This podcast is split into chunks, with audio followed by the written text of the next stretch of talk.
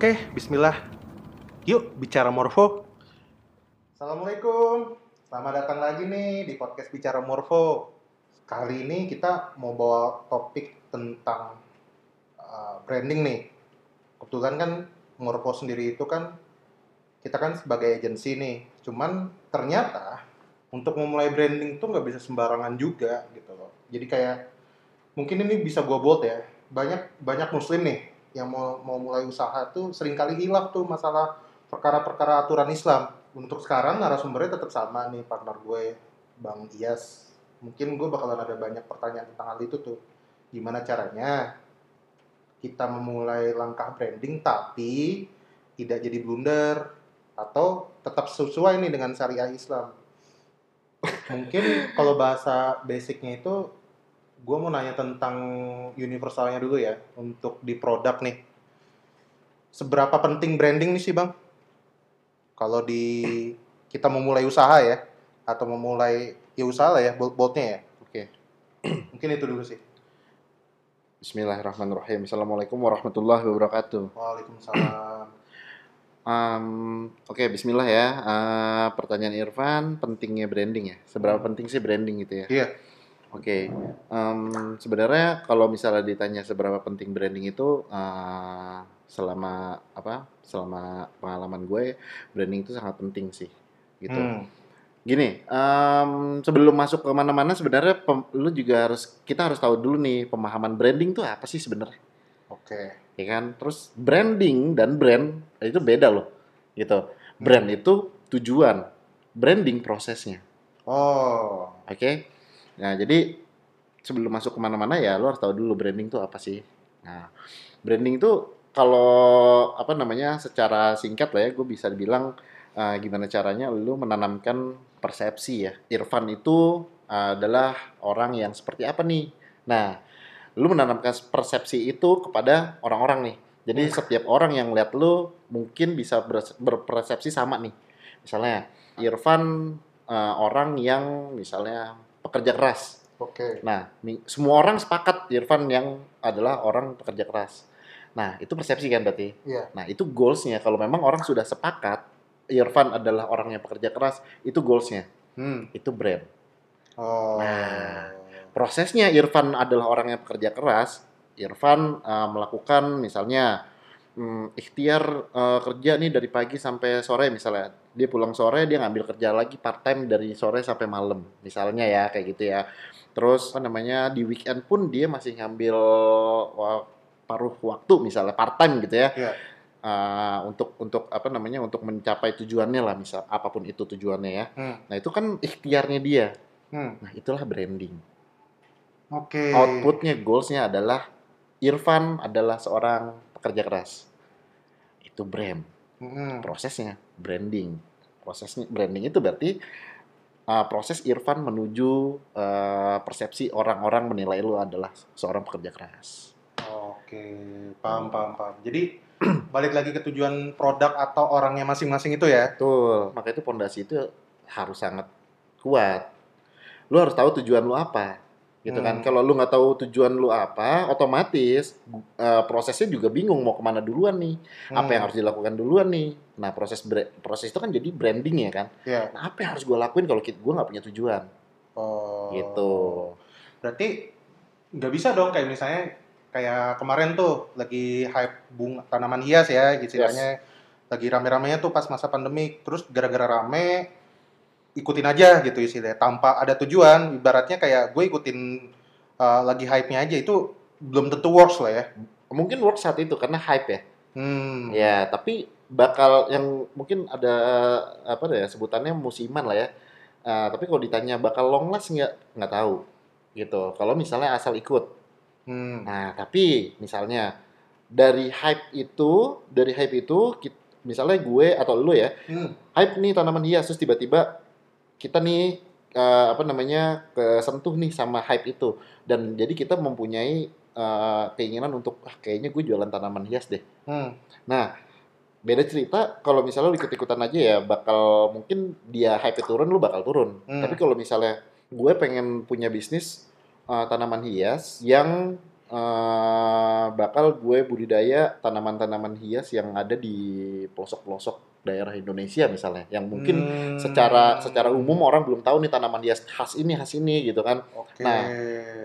Unik apa ya maksudnya unik atau value yang lu mau mau keluarkan itu adalah lu mengeksplor tanaman hias yang di pelosok yang orang-orang tuh sebenarnya belum tahu. Oke. Tapi lu mulai saat hype-nya itu. Ya. Paham nggak? Memulai bis- bisnis itu atau memulai dagangan itu saat hype. Jadi ngambil momentumnya Nah, lah ya. itu Iya, maksudnya iya. memanfaatkan momentum untuk memulai bisnis lu. Hmm. Jadi jadi pijakan gitu kan. Iya, iya, Ya, iya, tapi lu iya. punya tujuan itu. Value-nya ada tuh. Tujuannya ada. itu Gitu. itu yang disebut dengan fondasi. Itu yang disebut pondasi. Hmm. Jadi Irfan atau Iyas penjual tanaman hias yang Oke. nah nggak cuman Irfan seorang penjualan tanaman hias selesai. Hmm. Ya udah, hype-nya turun lu bakal ikut turun. Hmm. Nah, Iya, iya, iya. Soalnya mungkin bahasanya apa bedanya sama penjual yang lain nah, gitu ya. Apa bedanya Hmm, gitu. hmm, hmm. Pokoknya intinya uh, tujuannya apa, value-nya apa. Soalnya itu yang bakal nah goals itu adalah itulah adalah brand. Yaitu lu brand lu gitu. Iya, Gitu. iya. Ber- Berarti ini kan basic nih. Ya Hmm. mungkin kita bawa dulu ya masalah fondasi ini. Hmm. Eh, berarti yang diperlukan untuk memulai sesuatu nih atau kit gua membuat brand atau memulai bisnis, Hmm. itu fondasinya harus ada apa aja sih? Poin-poinnya? Oke, kalau di si- kalau ngebedel itu sebenarnya jadi lebih panjang lagi sih. Hmm. Ah, Intinya aja intinya. Oke, dari mulai mau kalau apa namanya menurut pengalaman gue Hmm. Memulai bisnis itu eh, ada tiga sih poinnya. Hmm. Bangun pondasi, Hmm. eksekusi, evaluasi. Hmm. Ritmenya muter terus. Pondasinya apa aja? Konsep, Hmm. tujuan, Hmm. value. Konsep tujuan value. Konsepnya apa nih? Hmm. Terus tujuan lu bangun bisnis apa nih? Hmm. Mimpi lu apa nih? Oke. Ya. Ah. Terus value dari bisnis lu atau value dari produk lu apa nih? Nah, itu. Itu pondasi. Hmm. Setelah lu bisa apa namanya pondasi itu sudah lu dapat, analisa target audiens, Hmm. ya, terus apa namanya? Analisa demografi ta- target audiens Oh, kayak oh, gitu berarti gitu. sorry gua potong. Berarti selain bahas tadi kan mimpi ya, Hmm. harus ada data alias maksudnya realistisnya harus ada juga ya. Iya, iya, iya. Risetnya tetap harus ada dong, Hmm. karena kan itu adalah landasan landasan sekarang gini deh. Lu mau jualan tapi lu nggak ada nggak ada market, nggak ada nggak ada nggak ada target pasarnya gitu. Hmm. Yang mau beli siapa? Istilahnya gitu kan. Hmm. Nah, setelah pondasi itu lu udah ada, lu udah nemuin, masuk ke proses eksekusi. Oke. Eksekusi apa aja, Bang? Proses pembuatan nama, Hmm, hmm. logo, brand identity, Hmm. itu eksekusi. Maka itu kan kebanyakan kita nih ya, awamnya kita tuh kebanyakan orang memulai bisnis itu dari logo. Iya. Ya, kalau dari logo, ya berarti udah salah tuh, skip tuh proses pondasi tuh. Iya, iya, iya, iya, benar-benar. Gitu. Yang si konsep ya maksudnya apa tadi value-nya nggak di, di nggak Ah, dilihat, riset datanya nggak ah, dibaca ah, dulu. Iya, iya. Ah, nah maka itu kalau misalnya treat ya balik lagi treatment morpho sendiri kalau memang ada ada calon customer atau calon partner yang mau memulai bisnis pasti kita bakal ngasih treatment itu sih. Hmm. Ya pondasinya bangun dulu. Kalau memang belum kuat jangan masuk eksekusi dulu deh Oke. gitu.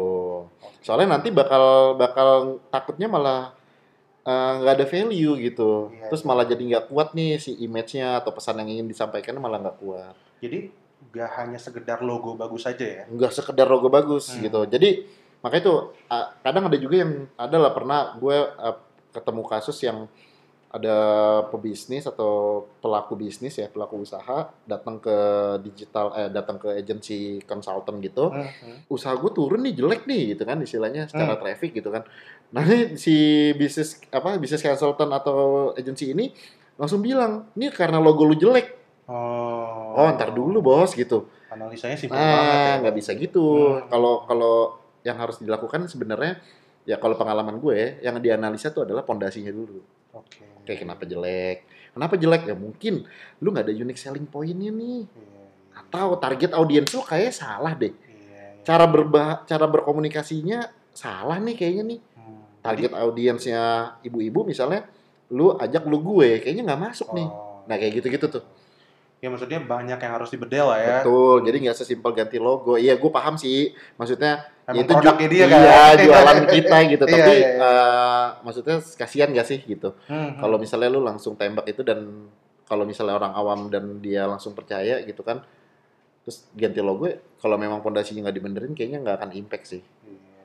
Tuh baru masuk ke proses yang tadi ketiga eksekusi. Nah, di dalam eh, eh, kedua eksekusi, ketiga evaluasi. Eksekusi juga termasuk eh, campaign-campaign atau activity-activity apa nih yang mau kita buat untuk mendukung si pondasi ini. Hmm. Gitu. Setelah semua udah dilakuin, baru kita evaluasi. Ada yang worth it dijalanin, ada yang kayaknya nggak worth it, udah jangan dijalanin. Buang-buang Hmm. waktu, buang-buang duit misalnya gitu kan. Oke. Nah, itulah. Jadi muternya ritmenya ke situ terus. Tiga Hmm. itu aja. Sampai evaluasi balik lagi ke pondasi, analisa pondasi udah eksekusi, eksekusi, kita evaluasi lagi. Ya. Oh, ternyata hasilnya kayak begini. Kita evaluasi balik lagi ke pondasi. Ya kayak Hmm. gitu aja sih simpelnya. Mungkin ini langsung move ke boldnya kita sih kan kita sela- selaku agensi yang mau belajar syari ya ibarat kata dan eksekusinya sesuai syariat Islam juga. Hmm. Kalau dari pengalaman kita menjalani bisnis ini nih bang, kadang tuh perlu juga kan kita memperhatikan faktor X itu loh. Sebelum Yes. kita bahas eksekusi ya, maksudnya eksekusi dalam di sini misalnya dalam prosesnya ada A, B, C, D, E. Maksudnya kan dalam pembuatan pondasinya ini pun sebenarnya harus diperhatiin kan. Betul. Nah, Betul. apa ya? Mungkin eh, bisa nge-share tipsnya nggak sih? Ibarat kata kayak supaya si pondasi ini kuat dan berjalannya lancar masuk ke eksekusi ya, gitu. Berpengaruh juga nih masalah keberkahan ya. Kadang kan maksudnya orang juga ke skip ya, kayak ibarat kata yang evaluasi tuh hanya teknisnya aja Ya, ya, gitu loh, ya. ibarat kata tuh. Nah itu Ya. tuh eh, mungkin bisa di-share juga tuh bang masalah tips-tipsnya itu tuh. Jadi untuk orang melangkah itu benar-benar harus 360. Nah gimana tuh? kalau misalnya tips dari abang sendiri nih sebagai ya ada di kolam inilah ya. Oke. Kalau ngomongin apa namanya? ah, syariat ya. Hmm. Tadi kan ngomongin syariat ya. Hmm. Karena kita memang berkomitmen, Morpho sendiri berkomitmen untuk menjadi eh, mungkin digital agency atau digital eh, branding agency yang memang sesuai syariat. Hmm. Oke. Nah, sebenarnya syariat ini eh, masuknya ke pondasi Van. Hmm. Ya. Jadi sebelum lu mulai bisnis apa pun itu gitu kan, lu harus tahu dulu nih ilmunya. Hmm. Nah, muamalahnya tuh kayak gimana sih? Ya. gitu. Gue berbisnis transaksi seperti apa yang boleh dan tidak. Itu muamalah ya. Hmm. Muamalahnya tuh seperti apa itu harus dipelajarin dulu. Ya tips tipsnya kalau ditanya tips ya harus belajar dulu muamalahnya. Muamalah secara Islam lah ya, maksudnya Secara- secara syariat. ya, ya. secara syariat Hmm. gitu. Apakah boleh eh, konsep seperti ini, seperti itu gitu Hmm. kan. Nah, itu harus kita tahu dulu tuh. Nah, kita belajar dulu. Jadi sebelum memulai bisnis yang lebih baik kita lakukan adalah membangun pondasi itu bersama belajar muamalahnya. Hmm. Belajar muamalah itu adalah pondasi yang menurut gue itu yang paling kuat tuh. Selain konsep ya. Hmm. Itu yang harus paling kuat dulu tuh. Itu muamalahnya. Nah, mungkin kebanyakan orang yang mungkin mus- sudah muslim juga atau mungkin sudah tahu juga ah, ini nggak boleh itu nggak boleh gitu kan tapi mereka kadang masih em, kayak apa ya istilahnya kayak tidak tidak tidak aware atau tidak concern di situ Hmm. ah bukannya menyalahkan tapi mungkin mereka memang tidak terpikirkan tahu mungkin mereka belum dapat insight Hmm. gitu Kalau pikir Irfan malah begini bang, sering kali orang beralibi dengan pasarnya sepi nih, oke gitu loh. Nah Oke, itu tuh, oke itu gimana tuh? Nah, itu dia. Bener-bener. Bener banget. Nah, kalau menurut gue sih, kayaknya mereka memang belum tahu aja. Hmm. Satu itu. Dan kedua, mereka belum belum aware apa. Pasti mereka kalau dibilang belum tahu, kayaknya juga beberapa orang pasti udah, oh, kayaknya udah tahu deh. Iya. Ini nggak boleh loh. Tapi demi demi demi mengambil pasar yang besar itu, Hmm. dia kayak menghalalkan atau jadi membolehkan yang nggak boleh gitu. Hmm. Nah, kalau pandangan gue sih kayaknya dia belum belum apa ya istilahnya, belum ketemu aja sih sama sama orang yang bisa diajak sharing. Mungkin dia nggak ada insight kayak ini nggak boleh kayak begini. Solusinya apa? Nah, Hmm. belum ada tuh yang mungkin dia belum ada teman atau partner yang bisa menguatkan hal itu gitu. Iya, iya. Bro, solusinya ada loh kayak gini loh sebenarnya. Hmm. Gitu. Bisa nggak? Ya kita validasi. Hmm. gitu kan balik lagi kalau kita belum coba kita belum eksekusi kita nggak bakal bisa evaluasi kan Iya, iya, nah nggak nggak nggak works balik lagi ke pondasi gitu. Ah. tapi kan kalau misalnya lu kita udah sepakat masalah muamalah syariah ini nggak boleh dan itu nggak boleh Hmm. harusnya ya kalau udah tahu logik logiknya gini Van. Hmm. lu udah tahu nggak boleh lu udah tahu nih nggak boleh Hmm. harusnya sih nggak ada pertanyaan lagi ya boleh atau tidak. Iya nggak sih? Lu udah tahu nih babi haram. Nggak usah ada pertanyaan lagi ini boleh gue makan atau enggak Iya logiknya kan gitu. Kalau lu udah tahu boleh atau tidaknya eh, apa ya istilahnya hukum gitu nggak ada nggak akan ada pertanyaan lagi tuh boleh atau tidak Iya, tuh ya pasti jawabannya enggak lah iya, iya, iya. bener nggak betul betul. belum tahu insight-nya belum ada teman ngobrol yang bisa menguatkan Hmm. itulah ya Iya, iya, iya, iya, iya. Jadi mungkin ya kita juga ya sebagai pelaku bisnis jangan sampai kayak membenarkan juga ya berarti ya. ya jangan dong Soalnya eh, apa ya? Kadang tuh sering kali kalah sama klien gitu loh. Ibarat kata tuh kayak co- coba Irfan analisa simpelnya tuh kayak misalnya eh, kita ada ada barrier A B C D E gitu. Klien bilang A karena ya itu ya gue bilang ya pasarnya dikit. Ayo udah deh kita coba. Oh ya udah deh kita coba. Bahasanya jadi begitu tuh. ya ya gimana ya Em, balik lagi ke keyakinan sih itu mah yakin ya Hmm, jadi balik lagi ke ya harus belajar dulu Iya, ya. harus belajar dulu. Memang itu akar sih, Van. Masalah agama, masalah tauhid. Gue bukannya so tahu ya, Hmm, tapi memang itu yang jadi akar. hmm. Gitu sih. Jadi kalau misalnya memang, maka itu dengan ke sedikitnya ilmu kita ini, mau gimana pun kita harus sampein. Misalnya klien minta begini, begitu, dan itu tidak sesuai dengan syariat misalnya, Hmm. kita harus tetap sampein. Iya, iya, iya. Kita cari solusi bareng-bareng. Kalau memang ternyata dari sisi kliennya nggak bisa mengikuti apa yang di apa maksudnya batasan kita gitu. Sebenarnya batasan ini bukan bukan batasan kita sih sebenarnya. Iya. ini batasan Allah yang bikin gitu. Allah Allah yang Emang- suruh gitu. Iya, emang ada di Al-Quran dan hadis ya, gitu. Al-Quran dan Sunnah itu ada Hmm. gitu kan. Nah kalau memang nggak bisa diajak kompromi atau berdiskusi di situ, ya kalau kalau kalau dari gue pribadi atau kita bawa nama Morfo lah ya, Mhm. Morfo ya mungkin kita belum berjodoh Hmm. itu aja bukannya jadi musuhan ya Iya, tapi iya, memang uh, kayaknya Morfo belum cocok nih masuk ke mereka Di sisi di profesionalnya sisi aja. profesionalnya aja gitu tapi kalau misalnya memang sebelumnya kita ada menjalin pertemanan ya itu di luar konteks ya Hmm, gitu sih hmm. Iya, iya, iya. iya. Oke, berarti ini eh kita bisa share juga kali ya, mungkin untuk orang-orang yang mau mulai bisnis nih, terutama pengusaha muslim.